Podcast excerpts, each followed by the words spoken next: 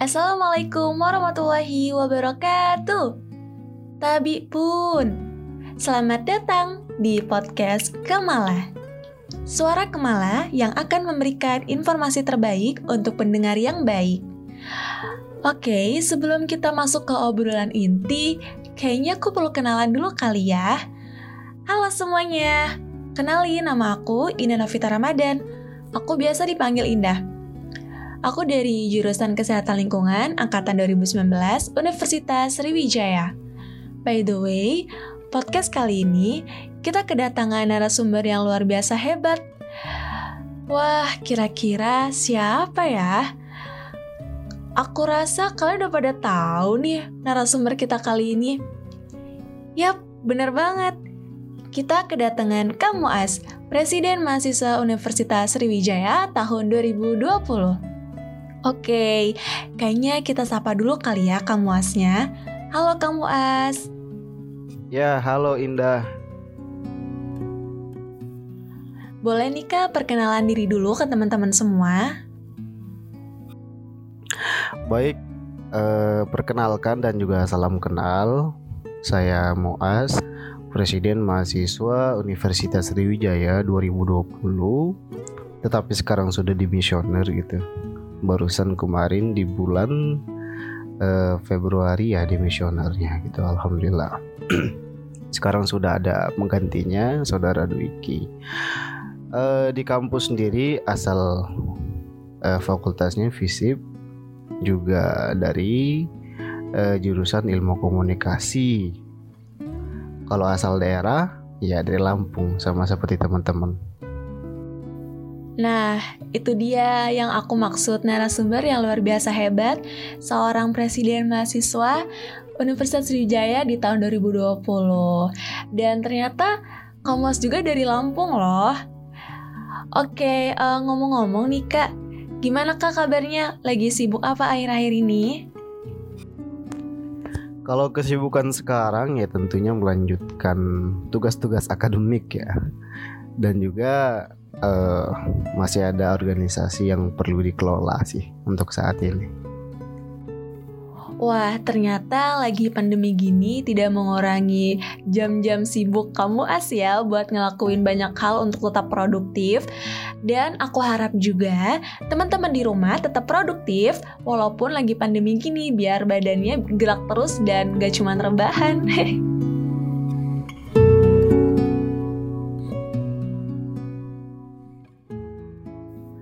Oke, tanpa berlama-lama lagi dan biar teman-teman gak penasaran lagi nih, podcast kali ini kita bakal ngebahas sesuatu yang pasti kalian pengen tahu banget dari seorang kamu as. Ya, yang kita tahu seorang kamu as adalah orang yang sibuk gitu kan, boleh kita katakan orang yang memiliki jadwal yang super padat. Apalagi kalau bukan time management. Wah, keren banget ya teman-teman. Bahasan kita kali ini sepertinya uh, cukup informatif buat teman-teman semua. Gimana mengenai time management itu? Yuk kita simak bahasan dari Kamu As. Jangan lupa dengerin sampai selesai. Baik, uh, Indah mau tanya nih kak, menurut kakak sendiri, time management itu apa sih kak? dan seberapa pentingnya time management itu menurut kakak? Ya baik, pertanyaan sangat menarik ya. Apa itu uh, manajemen waktu, terus uh, berapa pentingnya gitu bagi saya pribadi tentang manajemen waktu itu sendiri.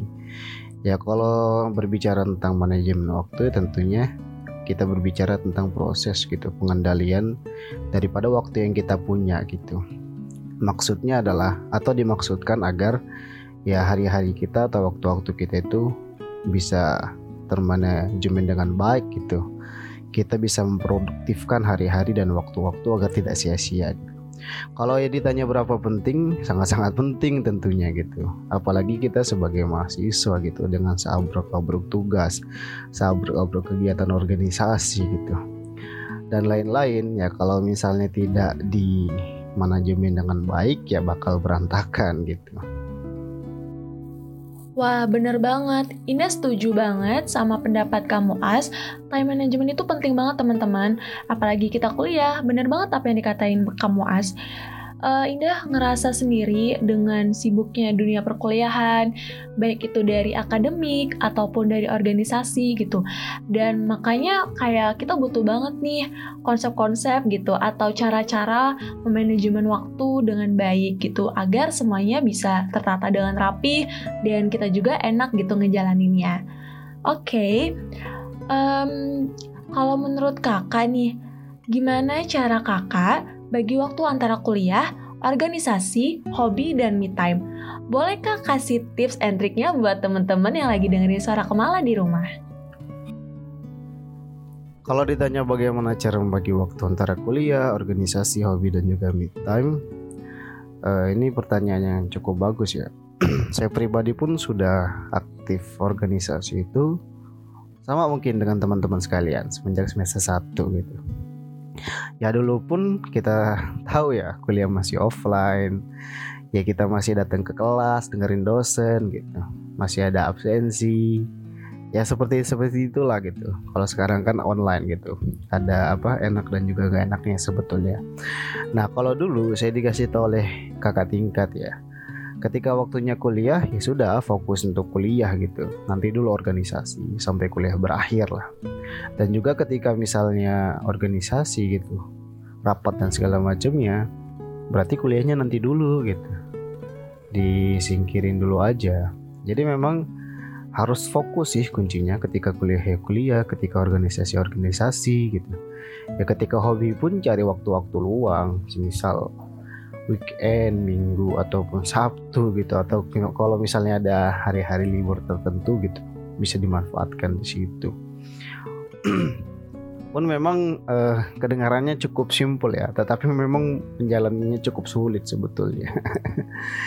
ya pernah aja sih misalnya lagi kuliah tuh ada teman nanya ini tentang organisasi ya gimana gitu ladenin dikit-dikit aja gitu juga organisasi kan. Kadang kala kan teman-teman ketika misalnya diajak rapat dan segala macamnya aduh ada tugas nih kayak harus dikerjain dan segala macamnya gitu. Ya memang agak sulit. Makanya memang eh, hal ini juga perlu dilatih gitu. Dan kadang kala ya ketika misalnya saat organisasi lalu dibenturkan dengan tugas kadang kala memang tugas itu seringnya saya uh, selesaikan memang di malam hari gitu. Menjelang waktu tidur atau ya waktu-waktu kosong gitu pagi hari sebelum berangkat kuliah gitu. Memang saya tempatkan di waktu-waktu kosong untuk tugas dari kuliah itu sendiri. Nah untuk mengatur jadwal harian atau satu harian gitu saya tidak biasa untuk langsung menuliskannya rigid dengan jam gitu misalnya jam segini harus ngapain jam segitu harus ngapain gitu ya ini mungkin uh, pribadi saya sih apa uh, pandangan pribadi gitu ya saya agak sulit ketika misalnya terpatok-patok jam gitu. Tetapi mungkin teman-teman ada yang mungkin lebih enak gitu ya kalau misalnya buat jadwal itu sesuai dengan jam-jam yang telah ditentukan. Kalau saya pribadi uh, untuk membuat jadwal harian itu tidak dengan menggunakan jam tetapi dengan uh, ingin melakukan apa saja saya pada hari itu gitu. Dan itu pun kadangkala saya tulis sebelum melakukan aktivitas gitu. Pagi-pagi gitu. Atau mungkin malam harinya malam hari sebelumnya saya tulis gitu. Uh, hari ini atau hari besok gitu. Saya ingin melakukan apa saja ini ini ini ini ini memang uh, dibutuhkan sebuah komitmen yang tinggi gitu hari itu tuh ya harus bisa menyelesaikan itu itu gitu komitmen terhadap uh, jadwal yang telah kita buat. Nah, Indah penasaran nih kak, kakak pernah nggak ngerasa capek atau jenuh selama berorganisasi sampai jadi presiden mahasiswa? Uh, pastinya pernah. Kalau ditanya pernah jenuh atau pernah capek nggak dalam berorganisasi sampai sekarang, sangat-sangat pernah gitu. Ya jenuhnya karena mungkin dulu ya kelas eh, kelas semester atau tahun kedua tahun ketiga ya kita kan mungkin banyak kegiatan akademik gitu dan juga memang saat itu sangat-sangat banyak juga kegiatan organisasi gitu kalau capek fisik ya capek fisik gitu tapi mungkin uh, di antara capek fisik itu uh, punya kepuasan tersendiri lah. Ya misalnya gitu. Dulu mungkin lagi sibuk-sibuknya kegiatan-kegiatan sosial gitu. Ke mana-mana. Atau lagi sibuk-sibuknya menghadiri acara ke mana-mana gitu. Kan dulu masih offline gitu. Capek ya capek gitu. Tapi memang ada kepuasan tersendiri. Kalau jenuh misalnya jenuh juga pernah. Jenuh itu dalam artian ya eh, kok gini-gini amat kegiatan organisasi nggak berkembang dan segala macamnya jenuh karena dihadapkan dengan masalah-masalah organisasi mungkin sangat-sangat pernah gitu. Hingga mungkin pernah berpikir pengen berhenti pengen berhenti ya itu pasti pernah gitu. Tetapi ya coba untuk tetap bertahan aja gitu sampai sekarang. Karena memang kita punya nilai-nilai yang kita pegang lah sebetulnya seperti itu Oke, tapi keren banget loh kamu As bisa melewati fase-fase capeknya, fase-fase jenuhnya gitu. Sampai sekarang sampai di titik udah demisioner nih yang artinya uh, di jabatan sebelumnya berarti udah bisa melewati fase-fase tersebut dan bahkan sampai sekarang pun kamu masih ada urusan gitu di organisasi dan mungkin bisa diambil pelajarannya teman-teman bahwa ketika kita jenuh atau ketika kita merasa capek dalam organisasi bukan berarti kita harus berhenti. Hanya saja mungkin kita harus butuh istirahat terlebih dahulu. Kita tenangin diri dulu uh, ada jeda sebentar baru kita lanjutkan lagi baru kita kembangkan lagi dengan ide-ide cemerlang yang ada di pikiran kita. Ya kurang lebih seperti itulah ya kak. Oke. Okay. Nah, gini kak, kamu as pasti punya plan sendiri kan kak kayak ya kamu as seorang organisasi yang aktif organisasi dan aku rasa teman-teman semua dan Indah juga gitu pasti memiliki plan atau rencana di kehidupan kita masing-masing. Nah, kalau menurut kamu Asnika, gimana sih Kak solusi kalau plan atau rencana yang sudah kita rencanakan itu tidak berjalan dengan maksimal atau nggak sesuai aja gitu sama rencana kita? Tentunya memang punya lah plan tersendiri ya. Setiap kita mesti wajib gitu punya plan tersendiri. Uh, punya rencana lah. Ya di awal-awal kita kuliah ini hal yang paling fundamental hal yang paling penting adalah rencana sebetulnya perencanaan atau planning itu sendiri. Ya kenapa? Ya karena uh, dulu pun saya pernah dinasehati oleh kakak tingkat kuliah ini dunianya sangat-sangat luas gitu. Beda dengan kita dulu SMA atau SMP. Itu sempit gitu. Kita sudah kemudian dikasih uh, jalan gitu sampai kemudian kita lulus SMA dan juga lulus SMP gitu. Kita diawasi oleh guru. Ya kita adalah semacam itu tadi jalan itu tapi ketika kuliah dunia kuliah ini sangat-sangat luas gitu jadi kalau misalkan kita nggak punya perencanaan, ya kita bakalan kemudian uh, kabur gitu dari rencana kuliah kita gitu. Kita bakal terdistract gitu, karena banyak uh, banyak sekali gitu wahana-wahana yang mungkin di kampus ini ya bikin kita hilang dan gagal fokus bahkan sampai uh, gagal kuliah lah dalam tanda kutip gitu. Makanya harus punya planning gitu uh, ya, tentunya planning juga punya apa namanya masa tenggat waktunya sampai kapan sampai kapan gitu. Ya perihal rencana yang kemudian tidak berjalan maksimal ya kadangkala itu disebabkan oleh kita sendiri sih sebetulnya. Kenapa tidak memaksimalkan rencana yang kita buat gitu? Kenapa tidak betul-betul kita itu komitmen dengan rencana yang kita buat kalau untuk saya pribadi ya tentunya sangat pernah gitu. Kadangkala misalnya kan kita pengen apa e, nargetkan sesuatu gitu kapan tetapi e, lewat dari rencana itu gitu. Kalau menanggapinya sih sebetulnya bagi saya sih sebetulnya e, biasa saja. Kenapa biasa saja? Ya karena selama tujuan itu tidak berubah, yang berubah hanyalah waktu dari target itu yang gak masalah gitu ya solusinya kemudian ketika rencana itu tidak maksimal ya. Tidak berjalan sesuai dengan waktu. Coba untuk kemudian cari akar masalahnya sih. Biasanya karena males sih. Itu yang kemudian perlahan-lahan coba dikikis lah kemalasan itu. Agar ya ketika kita merencanakan sesuatu ya malas itu tadi misalnya ya. Ketika kita merencanakan sesuatu ya bisa perlahan-lahan juga berjalan dengan maksimal. Oke, menarik banget jawabannya teman-teman. Jadi kita perlu cari masalah atau uh, sumbernya gitu dan sampai akarnya gitu. Apa yang menyebabkan rencana tersebut gagal gitu ya kak kurang lebih. Wah ini menjadi pelajaran baru sih buat Indah dan mungkin teman-teman semua yang lagi dengerin suara Kemala di rumah juga ini merupakan informasi baru pelajaran baru buat kalian gitu. Karena ya nggak bisa dipungkiri gitu. Kita hidup pasti memiliki rencana dan gak semua rencana itu berjalan dengan mulus berjalan dengan lancar gitu. Biar kita bisa introspeksi apa nih yang kurang apa nih yang salah. Keren banget kak Kamas untuk uh, tipsnya. Makasih banget. Nah dan selanjutnya nih kak um, kakak kan sibuk nih memiliki jadwal agenda yang padat Pernah nggak kak punya agenda dengan waktu yang bersamaan? Dan gimana cara kakak untuk menentukan prioritas kakak kalau nemuin atau ngadepin agenda yang tabrakan atau bersamaan gitu kak? Boleh kak kasih tipsnya buat teman-teman semua? Oh, baik teman-teman. Kalau misalnya menentukan prioritas ya ada agenda yang bersamaan. Contoh mungkin kemarin ya ketika uh, saya diminta sambutan gitu oleh dua organisasi dengan uh, waktu yang bersamaan. Mungkin ini cukup mudah ya. Saya bisa mendelegasikan salah satunya ke orang lain gitu.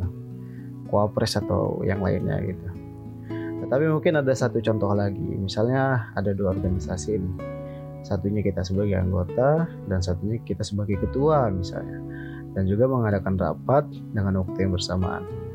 Maka saya pribadi pun uh, ya memilih datang uh, ke tempat saya menjadi ketua gitu. Karena di situ kita uh, yang paling dibutuhkan gitu untuk hadir gitu ketimbang uh, di tempat yang kita menjadi anggota. Mungkin bisa kita untuk kemudian nanti minta lah gitu notulensi rapatnya lebih mudah. Tetapi kalau ya ditanya gitu tentang misalnya satu case lagi tentang demo ataupun lagi kuliah gitu kalau saya pribadi sih, kadang-kala saya memilih untuk demonstrasi gitu. Ya mungkin alasannya agak klasik gitu.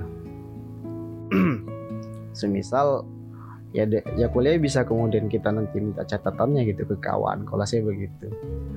Tapi demonstrasi ya mungkin sekali ini aja terjadi. Maka ini momentum lah untuk kita hadir di sana gitu. Dan juga satu kuncinya ya sama-sama bertanggung jawab gitu tanggung jawab terhadap kuliahnya juga dan juga tanggung jawab terhadap uh, organisasinya. Ya kalau ditanya tadi ya, oh, porsi kuliah dan organisasi itu berapa sih? Ya menurut saya sama-sama 100% lah gitu. Kalau menurut saya karena dua-duanya sangat-sangat penting bagi saya. Kalau uh, kuliah itu amanah orang tua, ya organisasi amanah rakyat gitu. Jadi dua-duanya harus kemudian dituntaskan. Baik, jadi gitu ya teman-teman. Oke, ini pertanyaan terakhir nih kak. Mungkin ini sedikit di luar topik ya kak. Cuman uh, Indah kepo nih, gimana sih pendapat kamu As tentang pertanyaan atau tanggapan orang-orang nih di luar sana? Kayak ngapain sih ngurusin kampus? Kan kita udah bayar UKT, kita udah bayar ini itu semuanya gitu. Kayak ngapain sih capek-capek kayak gitu. Itu gimana sih Kak kalau Kakak dapet pertanyaan atau tanggapan seperti itu? Gimana cara Kakak nanggepinnya? Apain sih ngurusin kampus? Kan kita udah bayar gitu ya Uh, kalau saya pribadi sih menganggap ini semua adalah panggilan jiwa gitu ya. Kenapa panggilan jiwa? Ya karena memang dari semester 1 2 tahun kuliah 1 2 3 4 gitu. Ya kita sering mendengar yang namanya fungsi mahasiswa iron stock social control agent of change gitu ya. Itu sangat-sangat benar teman-teman. Fungsi mahasiswa seperti itu.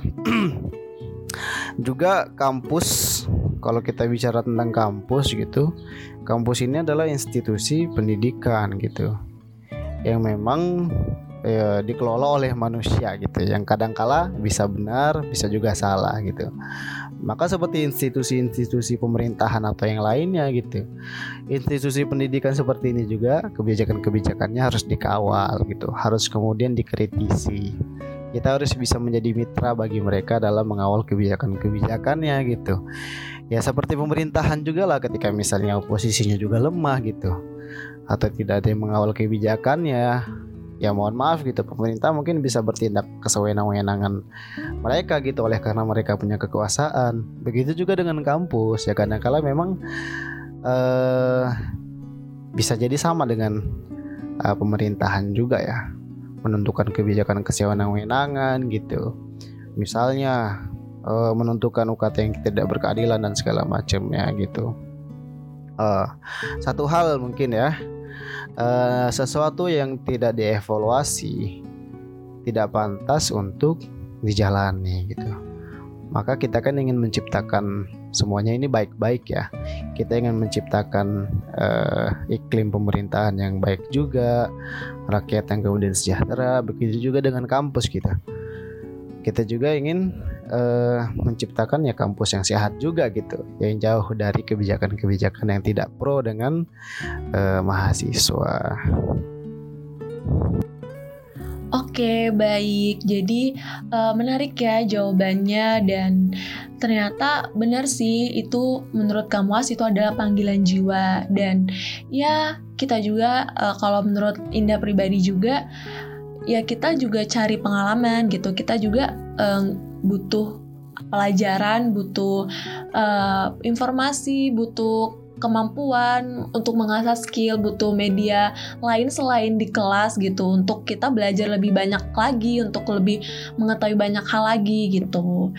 Oke, okay, uh, eh, kira-kira ada closing statement enggak nih Kal buat teman-teman semua yang lagi dengerin suara Kemala di rumah? Boleh disampaikan Kak? Ya baik, Uh, tentunya saya ucapkan terima kasih kepada teman-teman Kemala sudah memberikan saya kesempatan ya untuk berbicara di podcast ini. Uh, pesan untuk teman-teman Kemala atau yang lagi dengerin suara Kemala ini terhadap manajemen waktu benar-benar harus kita perhatikan gitu karena lagi-lagi kita sebagai mahasiswa kita punya planning kita punya targetan kita punya tujuan kalau tidak disambi dengan manajemen waktu yang baik juga ya apa gunanya planning gitu? Apa gunanya perencanaan dan yang lain-lainnya gitu. Pasti bakalan kemudian berantakan gitu ya. Dan juga memang kalau teman-teman pada hari ini uh, merasa gitu 24 jamnya belum produktif gitu belum maksimal untuk uh, di, dilakukan kegiatan-kegiatan gitu. Dan juga teman-teman kadang-kadang melihat yang lainnya gitu 24 jam kok 24 jam kok bisa melakukan kegiatan yang banyak sekali gitu maka perlahan-lahan saja sih teman-teman untuk mengubah kebiasaan teman-teman. Karena bisa jadi ini juga berkaitan tentang pola hidup teman-teman sekalian gitu, tentang kebiasaan dan juga habits gitu. Ya cara untuk mengubah kebiasaan tentunya nggak bisa gitu. Hari ini mungkin uh, manajemen waktu kita buruk gitu. Besoknya kita pengen langsung jadi gitu manajemen kita langsung baik langsung teratur nggak bisa. Tentunya memang harus dari yang kecil-kecil dulu gitu. Harus perlahan-lahan dulu gitu. Jadi teman-teman ya bisa kemudian membangun manajemen waktu yang baik dan juga produktif dengan komitmen terhadap hal-hal yang kecil dulu gitu. Maka kemudian ketika teman-teman sudah komit sudah konsisten dengan hal-hal yang kecil barulah teman-teman akan merasakan gitu sebuah perubahan terjadi dalam diri teman-teman untuk menjadi sesuatu yang lebih produktif dan juga lebih baik lagi. Wah, nggak kerasa nih, udah selesai untuk sesi bincang-bincangnya kali ini. Ya, sayang banget ya teman-teman, padahal banyak yang mau aku tanya ini ke kamu As. Kepo-kepo dikit lah ya. Tapi by the way makasih banyak nih buat kamu As. Udah ngeluangin waktunya untuk bisa jadi narasumber di podcast Kemala kali ini. Wah Kemala beruntung banget ya bisa ngedatengin kamu As sebagai narasumber. Dan kita ngebahas bahasan yang sangat menarik kali ini. Oke dan makasih juga buat teman-teman semua yang udah dengerin podcast ini dari awal hingga selesai Bagi kalian yang suka, jangan lupa like, comment, and share ke teman-teman kalian juga ya. Semoga bahasan kali ini bermanfaat untuk kita semua. Terus pantengin episode Suara Kemala selanjutnya. Uh, akhir kata, aku minta maaf kalau misalkan ada kesalahan kepada Allah aku mohon ampun.